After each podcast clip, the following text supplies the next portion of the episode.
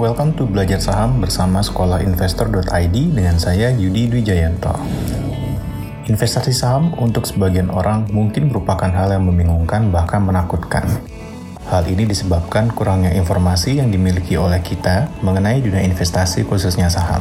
Oleh karena itu, di Belajar Saham bersama Sekolah Investor.id, kita akan memberikan informasi yang lugas dan applicable sehingga investasi saham menjadi menyenangkan. Dalam beberapa episode ke depan, kita akan membicarakan beberapa trading rules yang sudah terbukti yang dapat membuat trading saham kita menjadi stress-free dan menyenangkan. So let's get started. Di episode sebelumnya, kita sudah membahas rules yang keenam, yaitu protective stop. Untuk pendengar yang belum mendengarkan episode tersebut, bisa langsung meluncur ke episode Trading Rules 6 Protective Stop. Dunia saham merupakan dunia yang menawarkan suatu potensi keuntungan yang menggiurkan. Oleh karena itu, banyak orang yang tertarik untuk memasuki dunia saham. Namun, kita juga harus ingat bahwa selalu ada dua sisi dalam kehidupan. Begitu juga di dalam dunia saham. Kalau ada potensi keuntungan, lawannya pasti akan ada potensi kerugian. Dan sudah pasti hampir semua trader di dunia pernah merasakan yang namanya kerugian. Yang paling penting di sini adalah bagaimana caranya kita bisa bersikap terhadap kerugian tersebut. Oleh karena itu, kita akan membahas rules yang ketujuh, yaitu be friend with your loss. Dalam trading saham, setiap trader pasti ingin mendapatkan keuntungan. Oleh karena itu, biasanya kita berlomba-lomba untuk meningkatkan skill kita dalam menganalisa pergerakan harga saham untuk bisa mendapatkan keuntungan. Dan kita biasanya mentally sangat siap apabila kita mendapatkan keuntungan. Terkadang, karena kita sangat mempersiapkan diri kita untuk mendapatkan keuntungan, kita menjadi lupa bahwa yang namanya trading atau namanya berdagang ada satu potensi di mana kita akan menerima kerugian. Karena walaupun sehebat-hebatnya kita membaca pergerakan harga di saham, suatu saat pasti kita akan merasakan pahitnya kerugian. Oleh karena itu, sangat penting untuk diri kita sendiri menyiapkan mental kita untuk dapat menerima kerugian tersebut. Hal tersebut akan menjadi faktor pembeda yang sangat krusial untuk menentukan apakah kita bisa menjadi seorang trader yang sukses. Salah satu ciri dari trader sukses adalah dia bisa menjadi teman dengan kerugiannya, di mana dia akan dapat mendapatkan sesuatu dari kerugian yang dia derita. Jadi pada saat dia menerima kerugian, dia tidak akan berlarut-larut meratapi kerugian tersebut, tapi dia akan melakukan kesempatan itu untuk bisa mempelajari sesuatu atas kerugian yang telah dia derita. Lalu bagaimana caranya kita bisa mendapatkan sesuatu dari kerugian itu?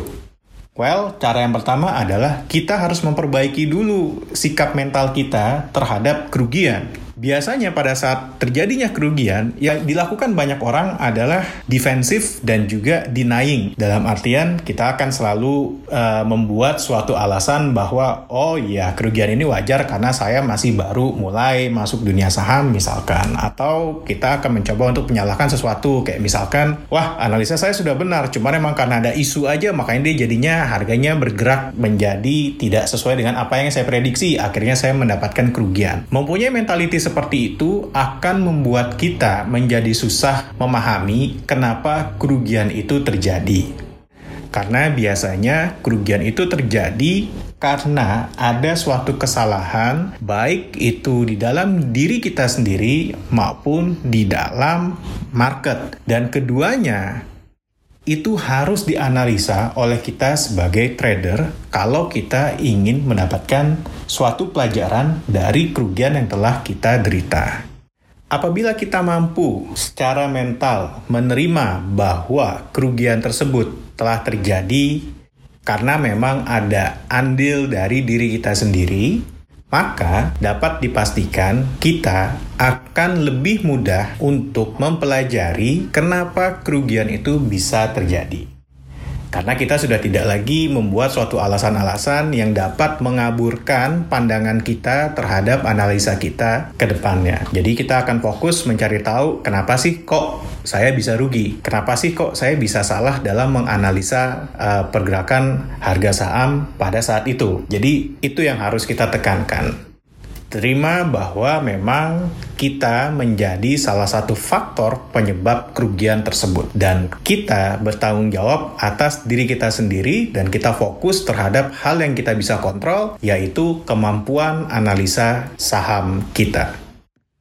Salah satu yang harus kita analisa juga pada saat kita mengalami kerugian, yaitu adalah mengecek apakah kita memiliki tingkat emotional attachment yang berlebihan terhadap suatu emiten atau terhadap trading saham yang kita lakukan. Hal ini penting supaya kita bisa mengeliminasi hal tersebut jika memang ada. Memiliki emotional attachment yang berlebihan itu akan sangat berbahaya terhadap kemampuan kita untuk menganalisa emiten tersebut secara objektif. Kalau kita sudah memasukkan unsur emosi, biasanya kita akan menjadi sangat subjektif kita akan melakukan analisa berdasarkan hal-hal yang kita sukai saja gitu loh. Walaupun nanti faktanya menunjukkan bahwa emiten tersebut sedang tidak baik untuk dibeli, tapi karena kita memiliki emotional attachment yang sangat tinggi terhadap emiten tersebut, bisa jadi hasil analisa kita yang tadi menyatakan bahwa emiten tersebut sedang tidak layak untuk dibeli, kita akan hiraukan dan kita memutuskan untuk membeli emiten tersebut. Hasilnya apa? Kita mendapatkan suatu kerugian. Oleh karena itu, sangat penting untuk kita pada saat terjadi kerugian untuk memeriksa apakah ada kerugian tersebut disebabkan karena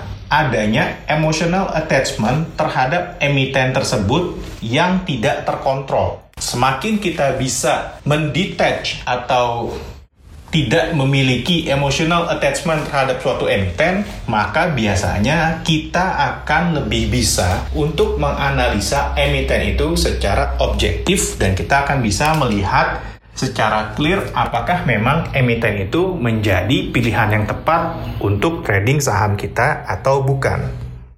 Setelah kita melakukan analisa terhadap kerugian yang terjadi Lalu setelah kita memahami bahwa salah satu faktor dari penyebab kerugian itu adalah diri kita sendiri. Apa yang harus kita lakukan berikutnya adalah kita harus membuat suatu rencana perbaikan supaya kita bisa menghindari kerugian yang sama untuk terjadi lagi di kemudian hari. Itu sangat penting. Kita harus bikin planningnya seperti apa, bagaimana caranya kita menghindari hal-hal yang sudah kita identifikasi sebagai penyebab kerugian itu sendiri. Lalu hal yang sangat penting lagi adalah ya kita harus move on. Pada saat kita udah rugi di suatu titik, mungkin kita akan merasakan bahwa oke okay, eh, saya rugi, saya merasa kok jadinya agak down. Beri waktu pada diri kita untuk sembuh dari hal itu semua. Lalu kita harus move on. Kenapa? Karena kerugian kejadian itu sudah terjadi, sudah nggak mungkin lagi kita bisa balikin lagi gitu loh. Kalau kita bisa move on dan kita bisa lebih optimis ke depannya bahwa kita sudah mempelajari kerugian tersebut, kita bisa menjadikan kerugian itu menjadi suatu pelajaran yang sangat berharga bagi diri kita. Jadi jangan jadikan kerugian sebagai suatu alasan membuat kita menjadi pesimis terhadap kegiatan kita di dalam trading saham. Tapi jadikan kerugian itu suatu uh, pemicu semangat yang membuat kita untuk menjadi lebih baik di kemudian hari dengan cara menganalisa faktor-faktor yang menjadi penyebab kerugian tersebut. Yang dapat menjadikan kita seorang trader yang sukses adalah bagaimana cara pandang kita terhadap suatu kerugian. Jadi, apa yang akan kita lakukan jika kerugian itu terjadi? Jangan malah menjadi pesimis, tapi jadikan kerugian itu sebagai suatu pemacu kita untuk menjadi lebih baik di kemudian hari. Dan kita harus belajar untuk be friend with our loss. That's all for today. On the next episode, kita akan membahas rules yang ke-8, yaitu don't overtrade. Terima kasih telah mendengarkan. Belajar saham signing off. Thank you.